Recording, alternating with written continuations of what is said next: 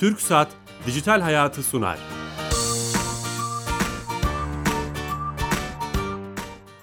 Herkese merhaba, ben Bilal Eren. Teknoloji ve dijital çağın hayatlarımıza etkilerini konu edindiğimiz Dijital Hayat programımıza hoş geldiniz. Her cuma saat 15.30'da bir başka konu ve konukla kulaklarınıza misafir olmaya devam ediyoruz. Bu hafta çift heyecan yaşıyoruz. Ee, bizim için bize bakan yönüyle 300. programımızdayız. 1 Kasım 2015'te başladığımız yolculuğumuz her cuma hiç aralıksız aynı heyecanla e, devam ediyor. O yüzden çok heyecanlıyız. İkinci heyecanımıza şeref konuğumuz e, Türkiye Cumhuriyeti Sanayi ve Teknoloji Bakan Yardımcısı Sayın Mehmet Fatih Kaçır. Bakanım hoş geldiniz. Hoş bulduk. Teşekkür ederim. 300. program için de tebrik ederim. Teşekkür ederiz. Ee, çok heyecanlıyız. Teknopark İstanbul'dayız. Ee, e, buradan canlı yayın yapıyoruz. Burayı da biraz konuşmak istiyoruz. Ee, 300 haftadır hiç ara vermeden e, dijital çağın etkilerini konuşmaya, bir başka konuyla, konukla konuşmaya devam ediyoruz. Bir dijital külliyat da oluştu aslında. Bütün mecralarda işte podcast mecralarında, e, video mesajlaşma mecralarında, YouTube başta olmak üzere her yerde ulaşabilir e, dinleyicilerimiz bize. E, böyle bir külliyat oluştu. Siz de daha önce 3 defa da program yapma şerefine de ulaştık. Ne dersiniz? E, teşekkür ediyorum. Benim için de gerçekten sizin programlarınız çok keyifli ve çok anlamlı. Türkiye'de dijitalleşmeyi, dijital dönüşümü ve bahsettiğiniz şekilde dijital külliyatı ana gündem maddeleri haline getirme konusunda sizin çok büyük bir katkınız var.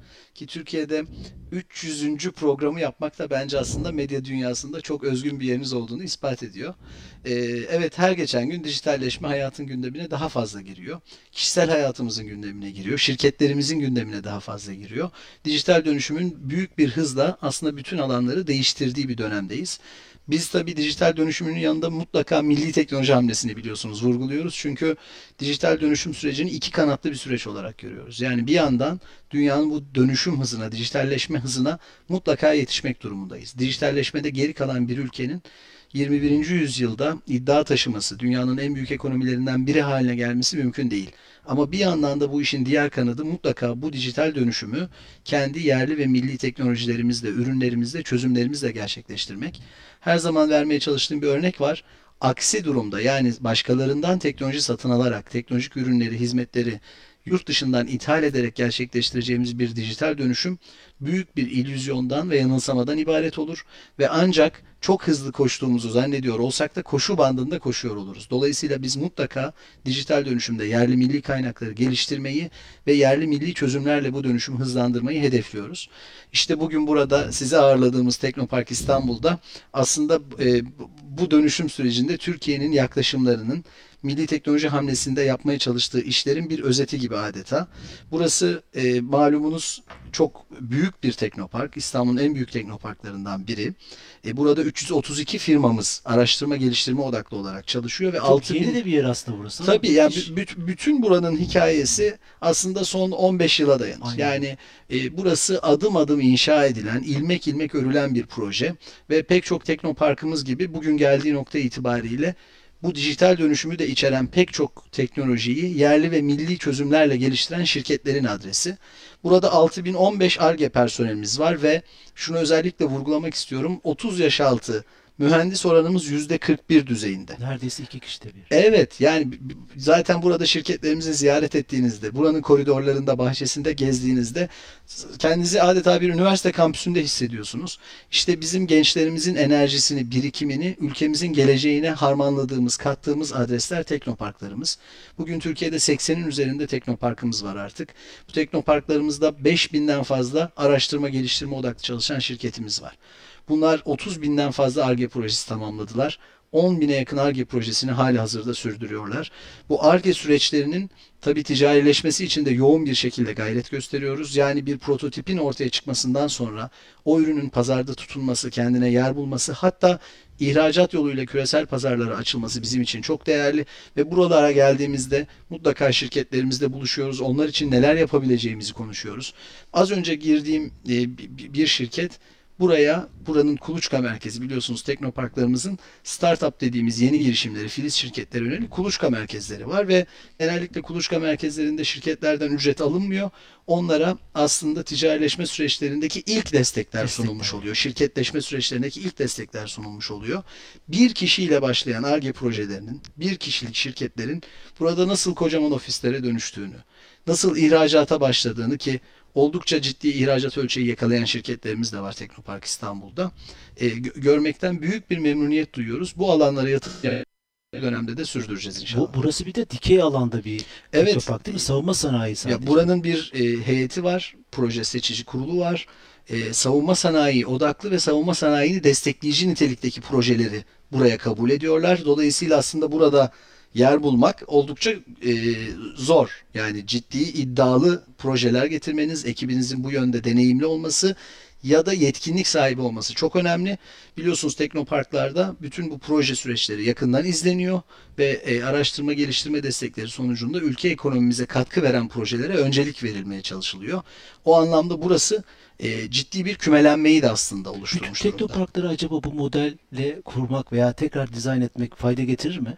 Yani hiç de- sadece savunma sanayi mesela burası. Başarılı olursa, oluyorsa Burada bura- burası savunma sanayi odaklı çalışıyor. Bilişim Vadisi hemen Bilişim biraz Vadisi. ileride biliyorsunuz. Orası da daha çok bilişim odaklı ve özellikle Türkiye'nin otomobilinin oraya gelmesiyle beraber araç mobilite, odaklı mı olacak? mobilite dediğimiz bütün hareketlilik yani otomotivi de merkezine alan, bütün mobilite teknolojilerini odağına alan bir yaklaşım benimsemiş durumda. Ama ben açıkçası her yerde mutlaka odak olması gerektiğini düşünmüyorum. Bazı alanlarda odaklı teknoparklarımız olabilir.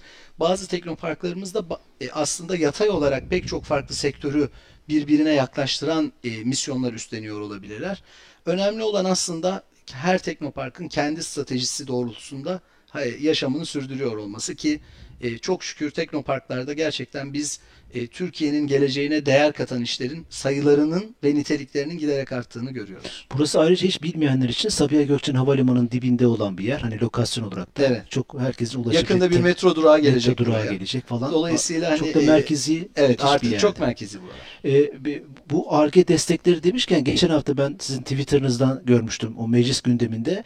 E, s- sanırım ARGE bütçesiyle ilgili geçen seneye göre iki kat artırım olduğunu söylemiştiniz. Bu ARGE teknoparklardaki destekleri mi içeriyor yoksa her şeyi mi? Ee, e, bahsettiğimiz e, destek e, bütçesi TÜBİTAK tarafından yürütülen e, Türkiye Araştırma Alanı Programı'na yönelik destek bütçesi. Bu geçtiğimiz yılki e, bütçede 1 milyar lira düzeyindeyken bu yıl 2 milyar lira düzeyinin üzerine oldu. çıktı. TÜBİTAK'ın hem sanayiye hem akademiye araştırma geliştirme projelerine yönelik e, ARDEP, TEYDEP gibi e, programlar yoluyla verdiği destekler var. Hem de bilim insanlarımıza yönelik malumunuz verdiğimiz burs programları desteklerimiz var.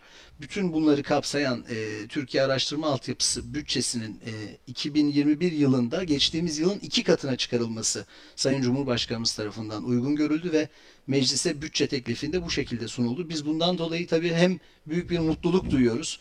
Çünkü Türkiye'de araştırma geliştirmeye ayırabileceğimiz imkanların çok e, ciddi bir şekilde arttığını inşallah önümüzdeki dönemde gözlemliyor olacağız.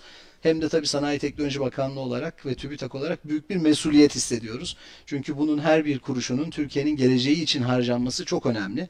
Burada e, TÜBİTAK son dönemde biliyorsunuz desteklerini e, çıktı odaklı, e, etki odaklı olarak yönlendirmeye gayret ediyor. E, her bir program tasarımında Türkiye'nin stratejik hedeflerini adresleyen yaklaşımlar ortaya koyuyoruz. Son dönemde devreye aldığımız programlardan örnek vermek gerekirse biliyorsunuz sanayi doktora programını TÜBİTAK son iki yılda başlattı. Burada doktora öğrencilerinin doktora süreçlerini sadece üniversite içinde değil sanayide de yapmaları hedefleniyor. Bir sanayi şirketimiz üniversiteyle birlikte bir doktora projesi sunuyor TÜBİTAK'a. Ee, en az 3 doktora öğrencisinin bir arada çalıştığı bir e, proje olması bekleniyor bu çalışmanın ve TÜBİTAK'ta e, hem e, öğrenim sürecinde hem de istihdam sürecinde öğrencileri, doktor öğrencilerini bursla, burs yoluyla desteklemiş oluyor. Aa, Bu üniversite- işbirliği, üniversite Tabii işbirliği. üniversite sanayi işbirliği anlamında çok değerli bir program olarak görüyoruz biz bunu. Yine bunun yanında biliyorsunuz Uluslararası Lider Araştırmacılar Programı'nın Türk insan geldi kez- buraya. Evet. Getirdiniz. Dünya çapında alanında lider bilim insanlarını Türkiye'ye getirmeye dönük bir programdı. Onun ilk çağrısını gerçekleştirmiştik. Şimdi ikinci çağrıya hazırlanıyoruz ki zaten ilk çağrı aslında adeta bir pilot uygulamaydı. 127 bilim insanı Türkiye'ye geldi. 98 Türk, 29 diğer ülke vatandaşları. Ee, onlar e, yine Türkiye'nin stratejik hedeflerine yönelik e, projelerini her biri burada 5 doktor öğrencisinden oluşan takımlar kurarak hayata geçiriyor olacaklar. E, inşallah önümüzdeki yıl yani 2021'de bu e, programın ikinci çağrısına çıkıyor olacağız ve yine Türkiye'yi bilim insanları için, lider bilim insanları için bir çekim gücü haline getirmeye gayret edeceğiz. Bunlar sadece bazı örnekler. Aslında TÜBİTAK çok küçük yaş gruplarından e, doktora doktora sonrasına kadar pek çok bilim insanı destek programını hayata geçiriyor. Sanayinin araştırma geliştirme süreçlerine biliyorsunuz TEYDEP e, programımızla doğrudan destek veriyoruz. Bireysel genç girişimci programımız var. Bu yolla her yıl yüzlerce girişimin hayat bulmasına katkı veriyoruz. Ve yine ARDEP destekleriyle de Tabii. üniversitelerimizde yürütülen ARGE desteklerini sürdürüyoruz. Sizin o e, lider, girişimci lider e, e, projeniz kapsamında Pınar Yanardağ biz konuk etmiştik. Ha, evet. Yapay zekada moda çalışması Evet yapan Pınar Hanım. MIT'den. MIT'den dünyanın Boğaz içine gelmişti. Evet en iyi teknoloji üniversitelerinden biri olarak biliyorsunuz MIT görülür. MIT'den e, Boğaziçi Üniversitesi'ne gelen bilim insanlarımızdan, araştırmacılarımızdan ve girişimcilerden aynı zamanda. Yani onun girişimci yönü de var biliyorsunuz. Ve çok o da hakikaten enteresan. Bir E, yapay zeka ile moda tasarımı Moda tasarımı çok e, iyi şeyler yapıyor. yapıyor. Yani gerçekten işte o dijital dönüşüm dediğimiz e, dü- e, hayatın bütün alanlarını kapsayan e, süreçler açısından çok enteresan, çok yenilikçi e, projeler yürütüyor. Biz önümüzdeki dönemde nice bilim insanımızı, nice araştırmacımızı bu vesileyle Türkiye'ye getirmeyi hedefliyoruz. İnşallah geri geri beyin göçü gibi aslında düşünülebilir. Evet. Zaman hızlı geçiyor ama çok konu var e, sormak istediğim. E, bu arada yeni katılan dinleyicilerimiz vardı. Sanayi ve Teknoloji Bakan Yar- Yardımcımız Mehmet Fatih Kacır'la beraberiz. TürkSat 5A'yı konuşalım mı? 30 Kasım'da SpaceX ile işbirliğimiz neticesinde onlar bizim e, uydumuzu fırlatacaklar. E, oradaki son durum ne? O çok aslında çok önemli bir gelişme ama herhalde dünyadaki bu seçimler, savaşlar gündemimizden düşmüş gibi biraz. Yani evet bizim için önemli bir gelişme. Türkiye e, uzaydaki uydu ailelerine yenilerini eklemeye devam ediyor ve TürkSat 5A ve 5B projeleri de bu anlamda bizim için çok kıymetli projeler. Bunlar 2017 yılında Kasım ayında Airbus'la yapılan sözleşmeler kapsamında e, üretimi başlayan e, çalışmalar. Şimdi e, 30 Kasım 2020'de de e, bahsettiğiniz gibi SpaceX'in Falcon 9 roketiyle uzaya gönderilmesi hedefleniyor. E, bu anlamda bütün hazırlıklar aslında sürüyor. Siz orada olacak mısınız? Ee, benim şahsen orada olma planım yok şu anda ama tabii Türkiye'den e, yetkililerimizden katılanlar olacak. E, tabii e, çeşitli spekülasyonlar yapılıyor olabilir. Ben bunlara hani hiç kafayı takmamak gerektiğini düşünüyorum. Şu anda hazırlıklar olması gerektiği gibi devam ediyor. Herhangi bir sorun görünmüyor. Ha, olur da e, bir şey ortaya çıkarsa da Türkiye bunların hepsini aşar. Yani biz e, doğru bildiğimiz yolda, inandığımız yolda her alanda biliyorsunuz e, Sonuçta ürettik bu bu şeyleri. bu, bir üret- bu kaldı. üretildi, fırlatılma aşamasına Evet. gelindi ve fırlatılacaktır. Ee, uzayda yerini alacaktır. Biliyorsunuz bunların yanında bizim yerli milli olarak geliştirdiğimiz TürkSat 6A projemiz var. Evet. O büyük bir hızla Devam devam, ediyor. ve 2021 yılında o projenin üretim süreçlerinin tamamlanmasını ve onun da 2022'de uzaya gönderilmesini hedefliyoruz. Yine e, metre altı çözünürlüklü görüntüleme uydusu İMECE yerli ve milli olarak geliştirdiğimiz TÜBİTAK Uzay Araştırmaları Enstitümüzün öncülüğünde geliştirilen bir uydumuz. Dolayısıyla e, biz uzaydaki iddiamızı sürdürmeye devam edeceğiz. E, biliyorsunuz e, Türkiye Uzay Ajansımız kuruldu. E, çok hummalı bir çalışma yürütülüyor. Milli Uzay Programı hazırlanıyor. Tabii burada e, bir sabırsızlık da var. Yani bir an evvel bunun yayınlanması da bekleniyor. Bunu çok iyi anlıyorum ama e, bu uzay konusunda yapılacak projelerin çok iyi çalışılması lazım ve Türkiye'nin hem gerçekçi hem iddialı hedefler ortaya koyması lazım. Biz bir an evvel o çalışmanın da tamamlanmasını öngörüyoruz ve inşallah Sayın Cumhurbaşkanımız e, bunu kamuoyuyla paylaşacak diye ümit ediyoruz. Türkiye Önümüzdeki- Uzay Ajansı'nın yol haritası. mı? Evet. Sadece Türkiye Uzay Ajansı'nın değil aslında Türkiye'nin uzay yol haritası. Milli Uzay Programı 10 yılı kapsayacak şekilde hazırlanıyor. Her bir proje çok detaylı şekilde çalışılıyor. Ama e, sadece bir ipucu vermek e, gerekirse Türkiye'nin bugüne kadar olduğundan çok daha iddialı şekilde uzayda söz sahibi olmasını sağlayacak, iddia sahibi olmasını sağlayacak projeler e, Milli Uzay Programı'nda yer alacak. Süper onu bekliyoruz o zaman. E, diğer bir konu aslında açılışında da sizde canlı yayın yaptığımız e, bizim elektromobil projemiz. Orada e, e, yani kamuoyuna da yansıdığı şekilde aslında işbirlikleri yapılıyor. Fabrika temel atma töreni orada hızlıca fabrika yapılıyor. Ben hep onu takip etmeye çalışıyorum. Tabii eleştiriler de var. Hani bu yerli olacaktı. Bazı bu partnerlikleri işte Çinli, Fransız yapıyorsunuz gibi. Oradaki son durum ne Sayın Bakanım? E, hemen anlatmaya çalışayım. Tabii son bir yıl aslında Türkiye'nin otomobilinde pek çok gelişmenin artık kamuoyuna açıldığı dönem oldu. Biliyorsunuz önce prototiplerimizi Sayın Şeffaf mı Cumhurbaşkanımızla yürüyor o süreç? çok çok şeffaf, kamuoyuna açık şekilde yürütüyoruz. Sayın Cumhurbaşkanımız da e, liderliğinde prototipler kamuoyuyla paylaşıldı geçtiğimiz yıl Aralık'ta. E, peşinden e, bir temel atma e, törenini gerçekleştirdik. Biliyorsunuz Bursa Gemlik'te çok büyük bir fabrika ve e, çok temiz bir fabrika inşa ediliyor Ne demek temiz? e, bütün üretim proseslerinin doğa dostu olduğu bir fabrika inşa ediliyor. Yani burada dünyanın en temiz e, otomobil fabrikasını inşa ediyoruz aslında. Ve bunun yanında tabii bu e, bildiğiniz gibi 2022 yılının sonunda yollara çıkması hedeflenen bir proje. TOG'un iki ana hedefi var. Bir, e, 2022 sonunda bu aracını yola çıkarmak, buradaki takvime yetişmek. Bu çok önemli. Niçin çok önemli? Çünkü 2023 dünyada pek çok markanın elektrikli otomobillerinin piyasaya süreceği, Öyle belki yüzden yüzden fazla elektrikli e, otomobil modelinin eş zamanlı olarak özellikle e, Avrupa piyasasında yollara çıkacağı bir yıl olacak. Dolayısıyla bizim mutlaka ona yetişmemiz lazım. Yani piyasa hedefleri açısından, e, TOG'un markalaşma hedefleri açısından e, 2023 öncesinde bu projenin yollara çıkması çok kritik, çok hayati.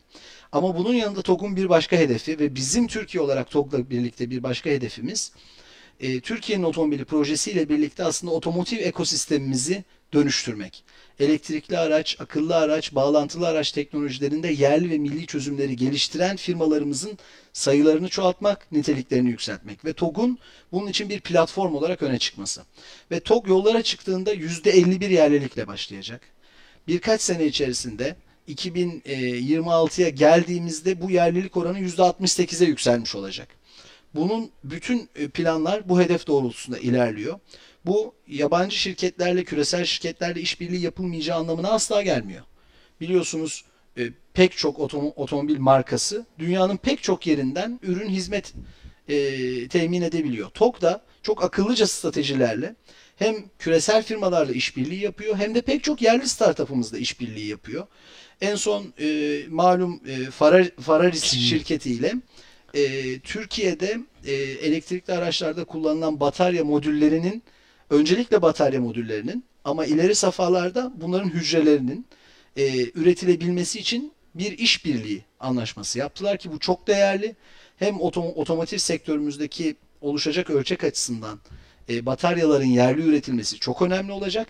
Hem de aslında e, akıllı şehir teknolojileriyle beraber çok farklı alanlarda e, bunlar kullanılmaya devam ediyor olacak önümüzdeki dönemde. Bu açıdan bu kazanımın Türkiye'ye getirilmesi çok önemli. Burada e, biz e, açıkçası hiçbir spekülasyona kulak asmıyoruz. Sen şunu şunu aslında takdir ediyorum. Yani e, yerli otomobilimizin en üst düzeyde yerliliğe, milliliğe sahip olması konusunda bir hassasiyet varsa ben bunu ancak takdir Ya ederim. bu baskıyı olumlu karşılıyorsunuz. Hiçbir problem yok. Ama burada art niyetli yaklaşımlar e, görmek bizi üzer. Çünkü şunun için üzer. Yani bizim şahsen e, üzülmemiz de çok önemli değil ama TOK ilk adımını Bilişim Vadisi'nde bir ARGE merkezi kurarak attı. Şu anda orada e, her gün sayıları artan araştırma geliştirme yapan mühendislerimiz çalışıyor. Bizim insanlarımız, bizim gençlerimiz çalışıyor. E, 200'e yakın araştırma geliştirme e, personeline yaklaşık olarak ulaştı TOK. Şimdi bunların hepsi bir kıymet. Pandemi sürecinde bile bu takım büyüdü. Şimdi e, bir yandan e, bu gençler, bu mühendisler, ARGE personellerimiz bu kadar yoğun bir çaba gösterirken bir yandan bunlar yok sayılırsa biz buna üzülürüz. Ama elbette e, TOG'dan en üst düzeyde yerlilik beklenmesi haklı bir beklentidir. Biz de bu beklentinin karşılanması için Sanayi Teknoloji Bakanlığı olarak azami gayret gösteriyoruz. Acaba her şeyde yüzde yüz yerlilik ve millilik e, söylemi ve baskısı bazen böyle kritik süreçlerde ve eleştirileri de göğüs germek gerektiğini mi? Yani her şeyde yüzde yüz yerlilik gerekli mi? Şimdi Yani şimdi Apple'ın telefonu var. E, Falcon Çin'de yaptırıyor her şeyini. Markasını satıyor. Gibi hani e, böyle bir şeye gerek var mı? Şimdi her her sektörde, her üründe e, akıllıca stratejilere ihtiyacımız var. Biz ilk günden itibaren şunu söyledik. Bir, burada en kritik husus fikri sanayi mülkiyet, mülkiyet haklarının Türkiye'de oluşması. Markanın Türkiye'de oluşması, tasarım mühendislik kararlarının Türkiye'de verilmesi. Biz bu projeyle ekosistemi geliştireceksek bizim için en kritik hususlar bunlar dedik. Bundan sonra elbette yerli katma değer önemli. Her şeyin yerlileşmesinden çok katma değerli ürünlerin yerlileşmesi bizim önceliğimiz. Şimdi otomotiv se- sektöründen bahsediyoruz. Otomobiller adeta cep telefonuna dönüşüyor. Bakın ben dün e, bir global markanın e, CEO'sunun röport- röportajını ve onunla ilgili e, bir haberi okudum bir uluslararası gazetede. E, 5000 yazılım mühendisinden bahsediyor. Önümüzdeki Ara- dönemde şirketinde. evet önümüzdeki dönemde e, istihdam etmeyi hedefledikleri 5000 yazılım mühendisi olduğundan bahsediyor. E, tümüyle aslında otomobillerin e, bir teknolojik e, ürün, bir Araca dijital dönüşüyor. ürün haline dönüştüğü bir dönemdeyiz. Şimdi biz burada katma değerli tarafını ne kadar yerleştirebilirsek o kadar netice alıyor olacağız. Yoksa ekonomik olarak yüzde yüz her bir Bütün parçayı ürünlerin. yerlileştirmekten daha önemlisi katma değeri Türkiye'de oluşturabilmek. Biz buna odaklıyız. Ee, ha ama şu da var. Şunu da açıkça söyleyelim. Tabii e, hep bu pandemi sürecinde de gördük ki bazen çok katma değerli görmediğiniz işler bile e, tedarik konusunda tabii tedarik konusunda yeri geldiğinde bazı ülkeler çok büyük sıkıntılar çektiler. Yani Türkiye orada da kendi kapasitesini göstermiş oldu. Ee, neye ihtiyaç duyuyorsa hızlı, etkin, çevik bir şekilde sanayinin onu üretebilmesi ayrıca bir ülkenin kapasitesi açısından, ekonomik kuvveti açısından ve bağımsızlığı açısından çok önemli. Bunu gördük. Biliyorsunuz solunum cihazı e, Türkiye'nin yerli imkanlarıyla çok hızlı bir Hızlı şekilde yaptı. seri 20 üretime günde 30 günde e.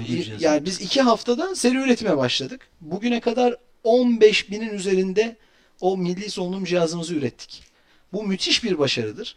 Bu Türkiye'nin aslında son 20 yılda kurduğu, Sayın Cumhurbaşkanımızın liderliğiyle kurduğumuz ARGE ekosisteminin nedenli e, başarılı bir noktaya geldiğini ifade ediyor. Kapasitenin nereye geldiğini ifade ediyor. E, aynı zamanda bizim e, şirketlerimizin çok çevik olması da yani hızlı ve etkin şekilde yönelimlerini değiştirebilmeleri de bu anlamda en önemli e, avantajlarımızdan birisi aslında. Dolayısıyla hani yerliliğe, milliliğe bu perspektiften bakıyoruz. Milli teknoloji hamlesi Türkiye'nin dışa kapanması, e, dış dünya ile ilişkilerinin kesilmesi asla değil. Ama Türkiye'nin teknolojide özellikle katma değerlerde yerli ve milli çözümler geliştirme kapasitesinin artırılması ve bunun sonuçlarının ortaya çıkması. Biz milli teknoloji hamlesini bu anlamda aslında küresel ligde Türkiye'yi en üst lige çıkarmanın e, yolu olarak görüyoruz. Örneğin e, e, program gündemimizde yok ama konu gelmişken sormak istiyorum. Siz de bulmuşken işte geçtiğimiz haftalarda Kanada'nın bizim siyalarla ilgili bir ambargosu olduğunu okuduk en azından ama hemen o siyaların e, kameralarıyla ilgili yerli çözümlerinde yapılabileceği bugün mesela ben sosyal medyada onu gördüm yani Aselsan sanırım. Evet Aselsan konuda bir çalışmayı yürürlüğe koymuş. Yani o yeteneğe sahip olmaktan bahsediyorsunuz siz. Aynen öyle. Biz e, şu anda bugün itibariyle Türkiye'de insansız hava araçlarımızda Aselsan'ımız tarafından üretilen milli kameraları kullanabiliyoruz. Bu yetkinliğin e, Türkiye'ye kazandırılmış olması çok değerli. E, ama tabii bu bugünden yarına olmuyor. Olmuyor, evet. Yıllar süren Acı projeler. gerekiyor. Tabii aslında bu engellemelerin hepsi Türkiye'yi kuvvetlendiriyor. Ha, belki kısa vadede e, bazı konularda güçlükler yaş- yaşatıyor bizlere ama e, bunları yaşamadan da aslında Türkiye'nin bu zor coğrafyada tam bağımsız olması e, mümkün değil demek. Dolayısıyla biz bu güçlükleri yaşayacağız ama bunların hepsinin üstesinden kendi insan gücümüzle, insan en güçlü e, tarafımız bizim kendi insanımız.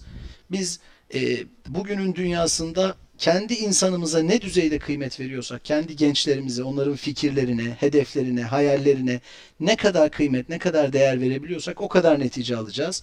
Dolayısıyla bütün bu projeleri bizim mühendislerimiz geliştiriyor ve Türkiye aynen verdiğiniz örnekteki gibi hangi kritik ihtiyaca sahipse çok hızlı bir şekilde kendi milli çözümlerini bugün üretebilen bir ülke konumuna gelmiş oldu. Şöyle görüyorum. Teknoloji sadece teknoloji meselesi değil. Siyaset meselesi, ekonomi meselesi. Bizim bu biraz önce konuştuğumuz Elon Musk'ın SpaceX tarafından fırlatılacak uydu ilgili Dağlı Karabağ gücü bir Ermeni lobisi Amerika'da e, SpaceX'in yöneticilerine e-posta atmış. Böyle hatta spam gibi böyle hepsi fix. Ve şey demişler hani bu sen bu Türkiye'nin şeylerini atarsan başına neler gelebileceğini, sonuçlarını biliyor musun diye. Yani bu ne, çok şaşırmıştım mesela. Ya Gerçekten bir siyaset meselesi. Orada bizim olmamızı, güçlü olmamızı istemiyorlar. İstenmiyor evet. Yani e, tabii acziyetlerini gösteriyor. E, Türkiye doğru bildiği yolda, inandığı yolda Sayın Cumhurbaşkanımızın liderliğinde ilerliyor. Bunu e, yani bir politik söylem olarak inanın söylemiyorum. Bu ülkenin e, genetiğinde, ge- genetik kodlarında zaten bu var. Yani bu ülke tarih boyunca e, mazluma sahip çıkan, haklının yanında duran, ne pahasına olursa olsun hakkın yanında duran bir ülke. E, dolayısıyla yıllardır Ermenistan tarafından işgal altında olan toprakları geri kazanmasına dönük Azeri kardeşlerimizin elbette biz yanındayız. Elbette yanında olacağız. Ha, bunun karşılığında birileri bizim teknolojik atılımımızı e, akamete uğratmaya çalışıyormuş, engellemeye çalışıyormuş. E, bu- bunları tabii takip ederiz ama bunların hiçbirisi bizi engelleyemez, e, yıldıramaz ve hiçbirisi hiçbir projemizi Allah'ın izniyle durduramaz. Biz inandığımız yolda gerekli bütün e, çalışmaları yaparak tabii bu, yani bir yandan bu çalışmaları yürütmek durumundasınız. Aksatmamak durumundasınız ama gereken bütün adımları atarak yürümeye devam edeceğiz. Dolayısıyla Bugün hani, mücadele e, devam edecek. Bu, bu bitmeyecek. Yani tabii dünyada da artık bu teknoloji savaşları, Yok, ticaret evet, savaşları zaten pek çok ülke. Evet. e, açısından da ortaya çıkmış Çin de savaşıyor Huawei konusunda mesela. Yani pek çok pek çok ülke birbiriyle bu alanda mücadele ediyor. Ama biz kendi hedeflerimizi biliyoruz, kendi güçlü yanlarımızı biliyoruz. E, kendi e, sınamalarımızı, karşı karşıya olduğumuz meydan okumalarını da biliyoruz ve onların üstesinden gelmenin de yollarını buluyoruz. Çok az vaktimiz kaldı ama sormak istediğim bir şey daha var. Ee, gene sosyal medya üzerinden ULAK'la ilgili insansız e, bir e, sanırım deniz aracı. e, savunma alanında hep insansız otonom araç teknolojileri ilgili haberleri görüyorum. Bir trend gibi. Bu, bu bir şey mi? Yani bir felsefe mi? Yol haritası mı? Yoksa kendiliğinden mi gelişiyor? Şimdi tabii insansız sistemler bütün dünyada çok öne çıkıyor. Yani burada özellikle yapay zeka teknolojilerinin geldiği nokta, büyük verinin geldiği nokta insansız sistemleri hayatın her alanında yaygınlaştırıyor. Türkiye bu konuda aslında e, insansız hava araçlarıyla e, dünya çapında bir başarı elde etti. Bu bütün dinleyicilerimizin de malumudur diye düşünüyorum artık. Yani dünyada en başarılı 3 ülkeden biriyiz biz insansız hava araçlarında. Tabii askeri teknolojiler aslında e, çok hızlı bir şekilde sivil alanları da dönüştürüyor ve e, diğer alanlara da çoklanma imkanı oluyor. Şimdi insansız kara araçlarında, insansız e, su altı sistemlerinde, insansız deniz araçlarında da benzer neticeler alıyor olacağız önümüzdeki dönemde. Aynı zamanda sivil tarafta da işte bu uçan araba e, projesi gibi projelerde tabii orada belki önce eşyalar taşınacak, kargoların e, işte e, dronlarla taşındığı bir döneme gireceğiz. Belki daha sonra sportif amaçlı olarak bu uçan otomobiller kullanıyor olacak ama bunlar muhtemelen önümüzdeki 10 ila 20 yılda hayatımızı büyük bir ölçüde kuşatıyor olacak. Biz burada savunma sanayinde bir kabiliyet elde ettik. Şimdi hedef bu kabiliyeti diğer tüm alanlara yaygınlaştırmak. E, dünyada pek çok teknoloji savunma sanayiyle e, doğdu ve hayatımıza girdi. Biz de Türkiye olarak savunma sanayindeki başarıyı diğer alanlara adım adım yaygınlaştırıyor olacağız. Çok çok çok teşekkür ediyoruz. Sürenin sonuna geldik. Çok konuşacak şey var ama zaman bitti. Ee, şeref verdiniz 300. programımızda. Çok teşekkür ederiz. Ben çok Bakan. teşekkür ederim. Ee, 300 programı üst üste yapmak gerçekten büyük bir başarı. Başarılarınızın devamını diliyorum. Nice 300 programları diyorum. Çok sağ olun, teşekkürler. Sanayi ve Teknoloji Bakan Yardımcımız Mehmet Fatih Kaçır'la beraberdik. Park İstanbul'dan, Teknopark İstanbul'dan e, sizlere seslendik. Haftaya yeni bir konu ve konukla 301. programda karşınızda olacağız. İyi hafta sonları, hoşçakalın.